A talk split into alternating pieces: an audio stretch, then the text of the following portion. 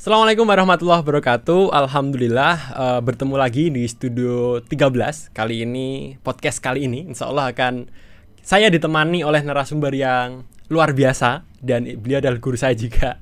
Jadi nanti kita akan bertanya-tanya nih sama beliau tentang usahanya beliau dan saya kalau saya sih fokusnya bukan ke usaha beliau karena nanti bisa di next uh, season atau di next podcast. Tapi kali ini kita akan membahas tentang kehidupannya beliau. Wah pasti penasaran nih. Dan saya pun juga penasaran nih. Kepengen tanya langsung ke beliau nih. Dan alhamdulillah kali ini kita ditemani oleh Pak Daryanto. Assalamualaikum Pak Daryanto. Waalaikumsalam warahmatullahi wabarakatuh. Alhamdulillah. Sehat ya Alhamdulillah sehat Alhamdulillah. Langsung dari rumah atau dari mana tadi? Iya dari rumah. Langsung mampir ke juga sini. ikut itu Alhamdulillah. jalan-jalan. Dan uh, Ahlan Basalan ini tempat kita di Studio 13. Iya. Semoga nanti sering-sering mampir ke sini. Siap, Sering-sering bikin video-video juga. Ya siap. Kita insya Allah siap mensupport jenengan. Alhamdulillah. Uh, jadi uh, insya Allah uh, Studio 13 ini kami sama tim minta doanya juga biar tetap istiqomah juga buat buat konten seperti ini Pak Deranto. Amin amin insyaallah. Minta supportnya juga. Oke. Karena oh ya buat teman-teman ini saya mungkin menginfokan. Nah, beliau ini owner dari Bunaya Group. Laras ya? Iya betul. Nah, di dalamnya ada apa aja Pak Deranto? Ya di Bunaya Group ini yang pertama kita punya Akikoh Hmm? itu yang sudah eksis sekitar 80 eh 8 tahun 8 ya. tahun. Luar biasa. Kemudian ada Tami Baby Rental and Shop, jadi penyewaan untuk alat-alat bayi. Hmm? Kemudian juga kita ada laundry gitu ya. Ya sementara tiga itu. Wih, luar Karena yang biasa. satu sudah off. Oh, sebelumnya ada satu lagi. ada susu gitu. Oh, di bidang kuliner juga berarti Iya, ya. iya. Nggih, nggih, nggih, nggih, nggih. Berarti beliau ini eh, di Bunaya Group itu ada berba- berbagai apa divisi berarti kalau Iya. bicaranya. Luar biasa, nggih, nggih. Itu udah 8 tahun yang lalu jenengan rintisnya. Iya, 8 tahun yang lalu. Nggih, nggih, nggih. Tapi saya insya Allah nggak akan fokus ke situ nih, Pak Danato. Iya, Saya iya. kepengen mengulik nih Eh, eh, kehidupan jenengan. Ngapunten, boleh nggak ini kita mengulik kehidupan jenengan nih? Oh, silakan. Kalau jenengan sendiri nih, eh, ngapunten, lahir dari keluarga yang berada atau eh, sederhana atau pripun? Iya, saya itu dilahirkan dari keluarga yang pas-pasan Hmm, itu ya, iya. karena ya ibaratnya itu eh, sekolah aja itu mondok itu dibiayai tetangga, ya, Oh. dibiayai tetangga. Jadi waktu itu saya SD, Hmm. setelah SD itu ada tawaran karena saya aktif di TPA, Hmm. kemudian ini ada apa kesempatan mondok kalau mau dibiayai. Di TPA itu jadi pengajar atau? Ya masih jadi nyantri gitu. Oh, ya, itu waktu SD ya? Iya, waktu Umur-umur segitu. Heeh.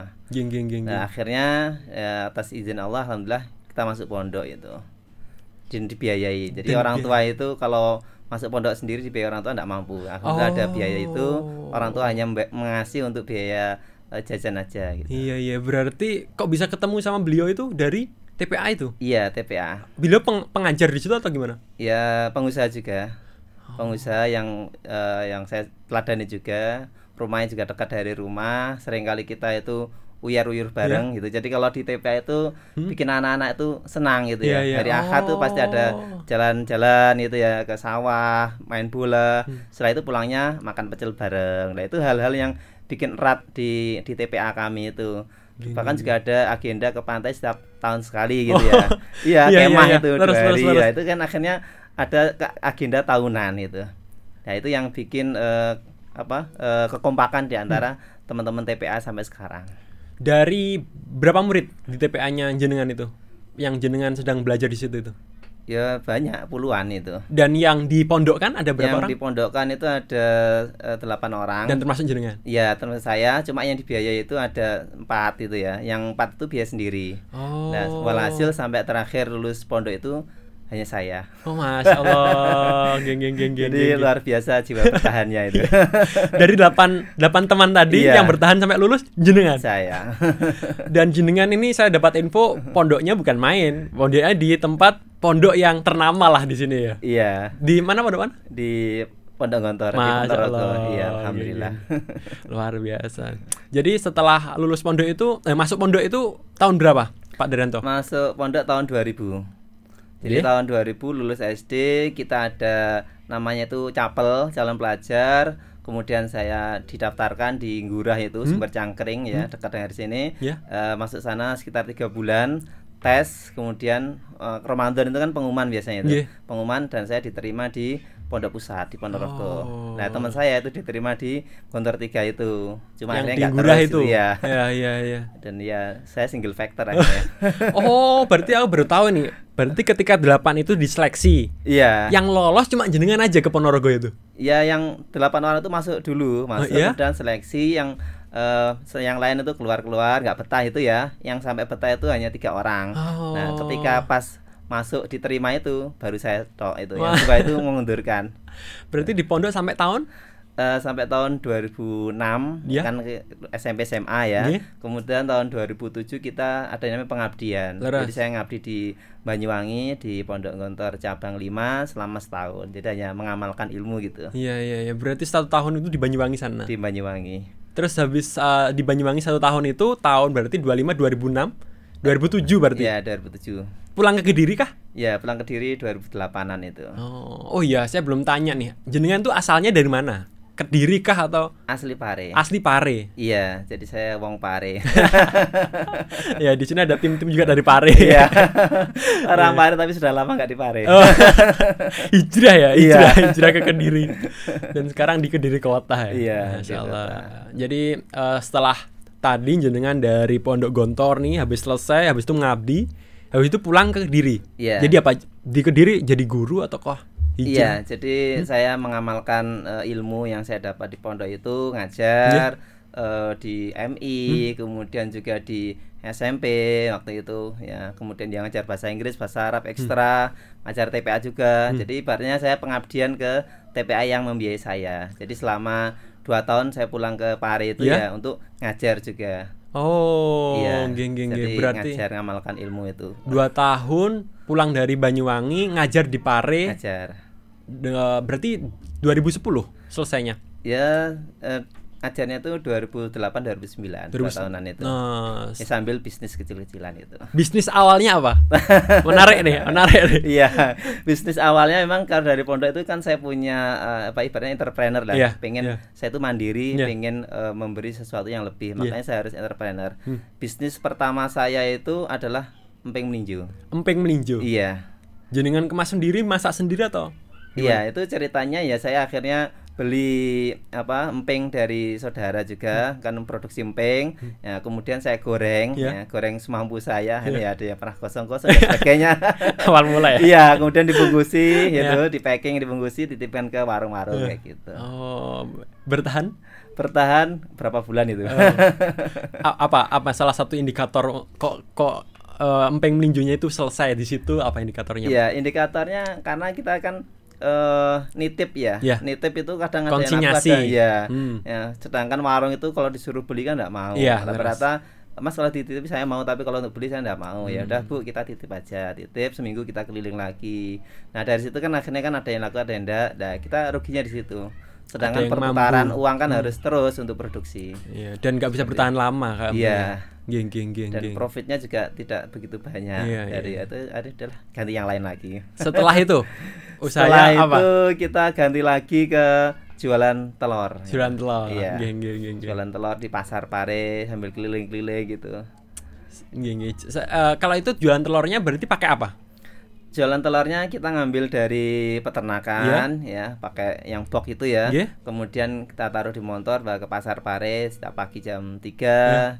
Ya, jadi ya saya suka eh, jualan malam itu ya sambil bisa alhamdulillah salat malam itu ya, Iya. sempatnya salat malam geng, dan geng, ke geng. pasar jualan itu nanti eh, jam 7 jam 6 itu sudah habis biasanya gitu. Berarti berangkatnya jam 2 pagi. Iya jam 2 jam 3 Wah, jam- Iya itu di pasar Pare emang ramai jam itu, itu itu sampai bertahan sampai berapa tahun itu atau berapa bulan? Hanya sekitar empat bulanan mungkin. 4 bulan. Iya. Ada cerita menarik nggak di jualan itu? Ya. Ada ruginya nggak atau ada untung besar nih atau apa? Pada saat jualan telur itu. cerita menariknya atau Iya. mungkin pahitnya dulu ya. Iya. ya namanya jualan di pasar itu Iya. kan kita belum punya tempat. Akhirnya kita cari tempat itu gampang di diusir-usir sama orang. Mas ini punya saya, ini punya saya. Akhirnya kan kita bingung. Hmm. Kita pasang di sini akhirnya berapa hari suruh pindah sana Iya. lagi, pindah sini. Walhasil eh, waktu itu bisa dapat tempat ya kan biasa kalau setiap tempat itu ada kayak preman ya. Iya, iya, iya, iya. preman Untuk kita nyangoni ya. Iya, nyangoni. Kita bayar itu. Eh. Eh, mas, saya pengen jualan telur ini tolong carikan tempat. Ya, tak ini Mas Nek kono aman lah. Dari situ Oh. hanya ya kita dapat tempat yang betul-betul yang safe, yang aman Hmm. itu. Biar Iya, nggak iya, digusur-gusur lagi. Saya juga pernah dengar dari Trican dengan itu kalau misal ada telur yang pecah itu gimana Cak ceritanya itu? Iya. Jadi yang telur pecah itu kita kalau pagi kan jualan di pasar. Terus? Kemudian siang kok kita masih kosong ya, akhirnya kita keliling. Keliling? gitu, ya. Oh. Keliling pakai ya kanan kiri itu ya. ya. Kemudian kita eh, masuk ke peracangan-peracangan, ke ya penjual-penjual itu, daerah Badas, daerah mana saya kelilingi gitu Iya, ya. iya, iya. Naik motor? Perumahan, ya, pakai motor. Nah, suatu ketika itu mungkin terlalu semangat Hmm. ya. Akhirnya saya wis pokoknya jalan Iya. gitu ya. Ternyata natap itu bagian belakang itu natap tembok tetangga. Nah, setelah natap saya berhenti, ternyata banyak telur yang pecah. Oh, berapa banyak? Iya, sekitar 3 kilo. itu motornya motor awal motor motor apa? Pak Dewanto? motornya kita eh, ini dapat pinjaman juga. Oh, pinjaman juga. Pinjaman Wih, luar biasa. Jadi saya di Pare itu memang betul-betul dari nol. Saya tidak punya apa-apa. Ini ini. Ke mana-mana itu pakai sepeda. Iya, iya, iya. Iya. Berawal dari nol tapi saya juga dapat bukunya ini teman-teman. Ada beliau ini udah meraih omset 1 miliar. Berawal dari nol, motor pinjam, jualan telur, pecah semua, tapi ini nanti kita bahas nih. Eh, bukunya beliau ini hingga meraih omset 1 miliar lah. Ini seru pasti ini ya. Kita bahas. dari yang dulunya nol, terus motor aja pinjam sampai sekarang ini malah malah sekarang malah bisa lebih nih omsetnya ini. Ini udah buku tahun berapa ini? Tahun lalu ini. 2020. Iya. 2020. Awal-awal pandemi itu saya nulis satu bulan jadi buku. Masya Allah. Gini, gini. Kita lanjutnya, eh, kita lanjutkan Pak Dianto. Jadi Iya. eh, jenengan tadi jualan telur itu udah kuliah kah? Belum. Belum. Jadi waktu saya eh ibaratnya ke Pare itu kan Iya. masih suasana baru ya. Iya. Kita pengen eh, bisnis-bisnis gitu ya, ya, jalan telur dan sebagainya. Eh, dan saya memutuskan kuliah itu ya ketika gagal semuanya itu. Oh, Jadi- berarti setelah jualan telur itu Ya. apa itu? Titik frustasi atau titik apa itu? Ya jualan telur pernah, kemudian jualan koran juga pernah itu oh, ya. setelah jualan telur itu ada jualan koran. Iya pernah. Ah, iya, bisa dong ceritain itu gimana? Jadi gini, waktu jualan koran kita itu kan jadi loper. Iya. Loper itu kita ngambil dari eh, pedagang Penjual gitu koran, ya, penjual, Pak kita jualin. Nah, saya waktu itu cari tempat di perempatan Garuda. ya. ya, yang familiar ya. Iya, Garuda dekatnya RSUD itu Orang ya. Pare pasti tahu Garuda Pasti. Pare. Nah, saya di situ. Jadi perempatan itu depan Semada yang paling pojok itu Hmm. ya jualan di situ ada jagreknya, kemudian kita eh, jualan koran ya dari Hmm. eh, macam-macam koran itu, kemudian juga ada majalah, kita jualan. Nah, di situ yang asik menurut saya itu bisa baca. Jadi saya Oh. jualan ya tetap sambil membaca. Tiap hari semua koran saya baca. Oh iya iya ini ini di luar pemikiran saya nih. Biasanya itu kan teman-teman apa orang-orang itu jualan ya Hmm. untuk cari uang. Iya. Tapi jenengan tujuannya bukan itu. Untuk membaca. Luar biasa.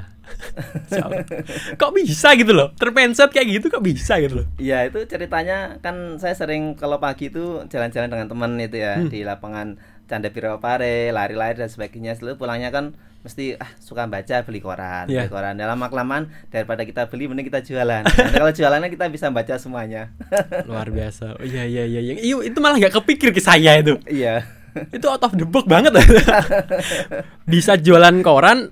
eh, mungkin kalau masalah materi di nomor dua kan. Yang Iya. pertama itu bisa baca koran-koran di situ ya. Iya. Luar biasa. Itu. Bertahan. Bertahan agak lama di situ di koran itu. Ya, jadi eh, ibaratnya kan zona nyaman dulu ya. Iya, Saya iya, iya, iya. eh, jualan koran yang penting eh, dapat uang jam 10 11 eh, berapapun saya setorkan, Hmm. kemudian pulang baru nanti yang penting eh, siang dan sore saya bisa ngajar. Dan itu. Oh berarti buka les-lesan juga kah? Ngajarnya? Ya, ngajarnya tuh TPA kalau sore, Oh. kalau siang tuh ngajar di pondok. Jadi saya tuh ngajar di pondok di Panti Asuhan Muhammadiyah Punju itu. Nggih, nggih. Kalau siang. Luar biasa. Berarti siang di pondok nih ngajarnya. Iya. Kalau sore di TPA. TPA. Kalau malam jualan. Jadi ibaratnya nggak ada nggak ada liburnya waktu itu. nggak ada istirahatnya. Iya, jualan counter waktu itu. Aduh, nggak bisa bayangin. Iya, Ah, Masya Allah. Boh, counter. iya. Oh. Ada counter juga waktu itu. Geng, geng, geng. geng. Berarti setelah jualan koran itu Hmm. ada counter. Ada Geng, geng, geng. Itu Counternya di mana? Di Pare juga. di Pare kamu Inggris. Geng, geng, geng, geng. di kamu Inggris itu.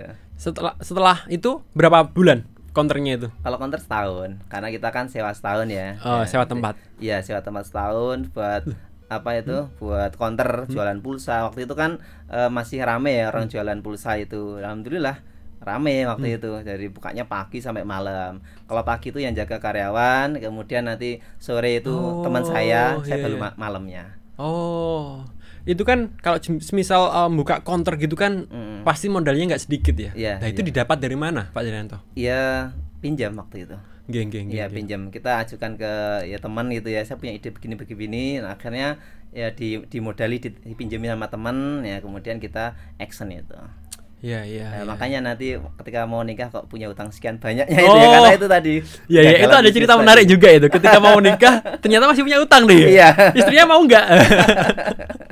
Iya, iya, iya. Setelah buka counter itu satu tahun selesai, habis itu usaha lagi atau? ya itu tadi eh, ya itu perjalanan setahun itu tidak mulus itu ya. Iya. Ya kadang awalnya itu potong rambut ya, potong rambut karena eh, karyawan yang tidak amanah gitu ya. Pagi itu saya lihat tuh Oh. motong, malam itu saya cek kan, Mas, eh, hari ini motong berapa orang? Kosong, Pak. Ada. Berarti kan nggak amanah. Iya, ya. iya. Padahal ada. Ada, saya le- saya lewat tuh ada dia motong. Iya, iya. Ya, iya, karena iya. nggak amanah akhirnya saya cut, kemudian saya teruskan counter tadi sampai kontrakan habis. Oh, sebelum counter itu tempat potong. Iya, potong rambut. Iya, geng, geng. Kalau jenengan sendiri bisa motong nggak? Belum bisa. Belum bisa. geng, geng, geng, geng. Katanya kan jurus bisnis itu kan kalau kita nggak bisa motong cari orang yang bisa motong. Bener sekali. itu itu kunci teman-teman ya. ya ya ya ya. Berarti habis habis eh, selesai itu berarti banyak sekali ya dari awal tadi. Nah. Waduh, saya udah lupa. iya, pokoknya banyaklah kegagalan bisnis itu ya. Tapi keren sekali itu. Apa motivasi jenengan kok mencoba berbagai banyak hal? Mm-mm. Terus jenengan rela untuk bersusah-susahan dan bergagal-gagalan itu motivasi apa jenengan yang mendapatkan? Ya motivasinya yang pertama itu karena eh, saya waktu itu ya ibaratnya harus eh, mensupport bapak saya. Gitu. Nggih, nggih. Bapak saya kondisinya seperti itu akhirnya mau tidak mau saya harus membantu untuk perekonomian untuk bapak saya. Oh. Jadi gitu. Jadi bapak saya ke ya mohon maaf mungkin apa ya tidak pulang ke rumah kemudian kan makanya di warung akhirnya kita yang bayari ke warung itu. Oh. Nah dari situ akhirnya motivasi buat saya saya harus bisa mandiri saya harus bisa sukses seperti itu. Iya, iya, iya. Apa pun caranya. Luar biasa. Itu salah satu motivasi motivasi terbesarnya jenengan. Iya gitu. Geng, geng, geng. Semoga kita juga terinspirasi lah. Kalau orang tua itu motivasi terkuat ya. Iya. yang bisa betul. kita buat struggle terus. Kalau ada futur-futurnya bisa teringat semangat lagi. Iya. Luar biasa, luar biasa. setelah satu tahun itu, setelah apa namanya selesai di counter nih, lah itu yang jenengan lakukan kuliah tadi atau apa Hmm. Ya di saat semua sudah saya coba itu ya, kemudian eh, mengalami belum sukses lah itu ya atau kesuksesan yang tertunda, Hmm. Iya. akhirnya saya putuskan udah ikut orang. Nggih? Jadi karena tidak bisa ini dan itu nggak ada modal ya ikut orang, Hmm. ya ada lowongan ya kemudian kita ikut gitu kan. Saya kerja apa saja di situ ya eh, dari pagi sampai jam 2 jam Hmm. 3 itu. Awal mulai ikut orang itu umur berapa, Pak Jananto? Ya umur berapa ya berarti ya? Tahun 2009-an sekitar tahun 2009. Oh, udah 20-an lebih? 2009 berarti berapa? Sekarang Sekarang Eh, 2021. ya Jenengan sekarang berapa umurnya? 35. Heh, mas, berapa Mas? 32. Ah, 22. Belum, kalau dua-dua sudah kuliah saya. Berarti sekitar 20. 20 ya, sekitar 20. Sekitar 20 tahun jenengan ikut orang gitu. Iya. Ikut orang. Ah, eh, bertahan sampai Ikut orang itu ya sekitar mungkin setahun mungkin. di apa? Di bidang apa? itu di Pare itu ada kayak barang-barang antik gitu ya, barang-barang unik itu. Jadi ya saya kerjaannya itu eh, bersihin barang-barang unik itu ya, ya kemudian juga ya kursi, Hmm. meja ya seperti itu. Sambil waktu itu hanya tujuannya untuk apa? Bisa bayar hutang. Oh, hu- hutang di mana? Ya utang yang begitu banyak tadi ya bisnis yang gagal itu ya pernah juga jualan Oh. mie juga di pasar Pare Geng, geng, geng. kemudian tadi yang counter ini dan itu akhirnya kan banyak kegagalan kan punya hutang Berapa nominalnya kira-kira pada Ya, saat itu? pada saat itu ya sekitar 10 juta 10 juta. iya Dari kerja di orang itu Hmm. tersalurkankah? Iya tersalurkan tapi tidak semuanya hanya sebagian itu jadi waktu gajian nanti ada orang yang nagih ya kita bayar Hmm. sebagian Terus jenengan kenapa kok bisa memutuskan untuk ah kayaknya ini kuliah aja ini? Gitu apa pikiran jenengan?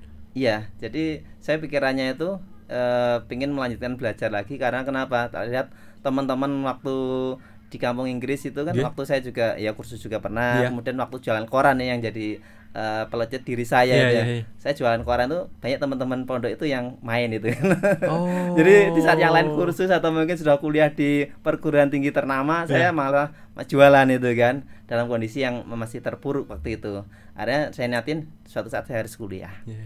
Kemudian saya izin ke ibu saya, "Mak, aku pengen kuliah." "Ya, awak mau nak kuliah?" kuliah oh, tapi aku gak bisa biayai jadi gitu ibu saya gitu akhirnya saya ya sudah saya harus bisa kuliah biaya saya sendiri akhirnya ikut orang itu Iya. bisa untuk kuliah Tapi saya bisa merasakan kok ketika teman-teman kita yang lain itu pada mungkin tanda kutip ya Hmm. dibiayain oleh kuliah orang tuanya pada saat kuliah terus kita apa ya bekerja sendiri untuk mencari uang itu iri itu ada kan? ya Iri itu pasti ada kan? ada Terus jenengan kok bisa menepis itu semua gimana caranya? ya kalau bagi saya itu yang penting itu tujuan kita apa tujuan kita pengen kuliah ya apa pun kita jalankan ya, Hmm. termasuk ikut orang tidak ma masalah. Capek kita anu ya tidak tidak masalah itu. Jadi saya kuliah itu ya dari Pare ke Kediri itu ya naik bis gitu. Oh, iya. Jadi sepeda ondal saya sepeda federal itu saya titipkan ke terminal Pare. Iya. dari situ saya naik bis ke Kediri hampir tiap hari. ya hari Sabtu dan Ahad Oh, waduh gak bisa bayangin saya. Sekarang yang udah ada motor aja gampang malas gitu, Iya. apalagi dulu. Luar biasa jenengan ini masalah. itu. Geng, geng, geng, geng. Berarti dulu itu setelah setelah jenengan buka usaha eh, macam-macam nih ya, terus Iya. habis itu mengumpul ber- terkumpul 10 juta sekira hutangnya. hmm.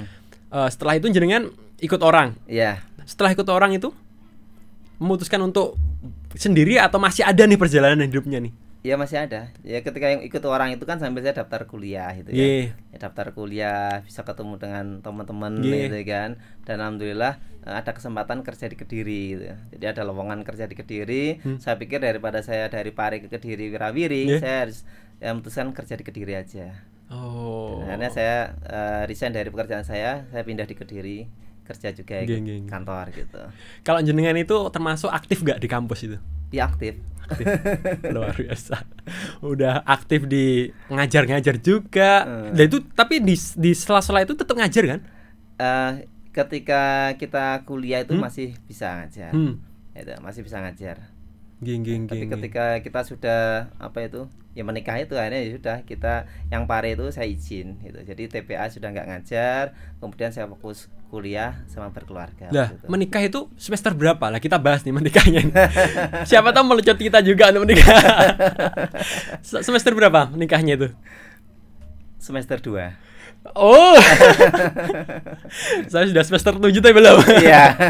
semester 2 udah memutuskan menikah. iya, semester 2 pada waktu itu usia masih 23 tahun. Motivasi apa jenengan itu? Ya itu tadi, motivasinya apa? Eh dengan kita mencoba bisnis berbagai macam kok ternyata belum berhasil. Dan kemudian kita punya hutang yang begitu banyak akhirnya kita pikiran itu. Ya, kemudian juga ada saran dari teman dari yang lain-lain menikahlah engkau mengka akan kaya. Wis. Dan itu terbukti. Terbukti. Masya Allah. Gitu. oke, oke. Berarti di semester 2 itu menikah Iya. dan tadi jenengan menyentil sedikit masih ada utang ya? Iya. Jadi ketika kita taaruf ya, Iya. taaruf dengan calon istri saya waktu itu, saya kasih tahu, eh, mohon maaf, eh, saya masih punya hutang sekian banyak. Geng, geng, geng, Mau geng. ndak kira-kira? Buat apa? Gitu kan. ya biasalah pembisnis tapi gagal. kan gitu. Oh iya iya iya. Alhamdulillah diterima dan ya itu tadi. Dan menikah. Dan menikah. Masya Allah. Dan sekarang udah berjalan berapa tahun pernikahannya? 11 tahun. Dibuahi eh, ber- dibuahi diberikan anak berapa? Alhamdulillah empat anak. Empat anak, masya Iya. Allah, geng, geng, geng, geng, geng. Dan sekarang, alhamdulillah masih berjalan dengan bisnis yang baru. Setelah menikah atau sebelum menikah itu bisnisnya dibuat? Ya ketika menikah itu kita masih ikut orang juga, Iya. ikut kantor selama 2 tahun. Iya. Ya sambil jadi saya itu prinsipnya meskipun ikut orang saya harus punya bisnis. Awal bisnisnya? Ya setelah itu saya bisnis bimbel. Ah. Jadi ikut orang ikut kantor di lembaga sosial, saya ya cari donatur dan sebagainya itu dan nanti kalau sore kan kuliah itu Iya, tadi ya. Nah, sambil memantau bisnis saya yang bimbel tadi. Iya. Itu punya bimbel, punya les-lesan privat itu dan alhamdulillah gurunya juga banyak. Wih, Hampir iya, 30 iya, waktu iya, itu. Wih, luar biasa. Itu Iya. padahal masih merintis awal itu ya. Iya. Dan itu setelah menikah. Setelah menikah. Waduh, ini ini uh, patut dicoba. Eh, patut dicoba. ya, ya, luar biasa, luar biasa. Geng, geng, geng. Gimana Mas Yan? Berapa menit? 5 menit. Oke. Jadi luar biasa nih tadi uh, berarti setelah uh, jenengan tadi menikah habis itu buka bimbel berapa tahun itu? Dua tahun. Dua tahun. Iya. Berarti tahun berapa itu? Eh, bimbelnya kalau nggak salah 2011 2012. Ya ya ya 2011 2012. Iya. Berarti setelah bimbel itu jenengan langsung action ke akikoh itu Iya. dan sampai sekarang. Sampai sekarang luar biasa. Udah berapa tahun tadi? 8 tahun. 8 tahun, masya Allah, nggih. udah banyak armadanya nih, Mas.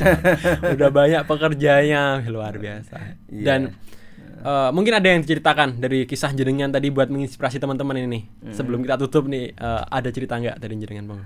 Eh, ceritanya begini ya, meskipun kondisi kita dalam kondisi yang eh, pas-pasan atau mungkin ekonomi keluarga kita eh, tidak tidak seperti yang apa itu eh, orang lain itu ya, Eh, mereka hidupnya enak Ya. itu ya apa-apa ada gitu kan, lulus eh, sekolah langsung bisa ke Mesir ke Ya. ke mana-mana itu Ya. ya ke kampus-kampus terkenal Ya. sedangkan kita itu apa adanya yang saya eh, apa itu rasakan itu kita perbanyak bersyukur ketika kita banyak bersyukur itu dan kita mempunyai prinsip itu ya tetap semangat jadi alhamdulillah teman-teman saya itu kalau ketemu saya mesti wah sama tangga semangat aja jadi itu itu yang kesan pertamanya gitu Dan Jadi- kita juga merasakan loh Pak. Iya, tetap semangat itu. Jadi meskipun kondisi kita di bawah kita semangat, di atas juga tetap harus semangat. Iya. Nah, dengan semangat itu akhirnya em, permasalahan apa pun, kemudian cobaan, halangan, rintangan itu akan terlampaui. Ya, ya, ya, ya, ya. Dan saya paling mengenal jenengan itu kalau semisal jenengan itu paling sering itu silaturahmi. Iya. Karena itu kesukaan saya. Wih, Mas. Nggih, matur suwun sangat Pak. Diranto. Semoga jenengan eh, lancar-lancar terus usahanya. Amin. Terima kasih. Terima kasih sudah mampir ke studio 13 kita. Iya. Dan mohon maaf kalau semisal masih panas di sini. Iya, enggak apa-apa. Semoga ilmu jenengan bermanfaat buat teman-teman semuanya. Amin, amin, Nggih, amin, matur suwun sangat nggih. Sekali lagi matur suwun sangat. Iya, terima kasih banyak Mas Furkon. Nggih, terima kasih buat teman-teman semua. Semoga bermanfaat sharing-sharing kita bersama Pak Daryanto, beliau owner dari Bunaya Group. Dan insya Allah kita nanti akan ada berbagai cerita lagi di episode-episode selanjutnya di Studio 13. Terima kasih dari saya Furqan Auluddin. Mohon maaf kalau semisal banyak salahnya. Dan tetap semua kesempurnaan hanya milik Allah SWT dan kesalahan milik saya pribadi. Terima kasih, sampai bertemu di episode selanjutnya. Wassalamualaikum warahmatullahi wabarakatuh. Waalaikumsalam warahmatullahi wabarakatuh.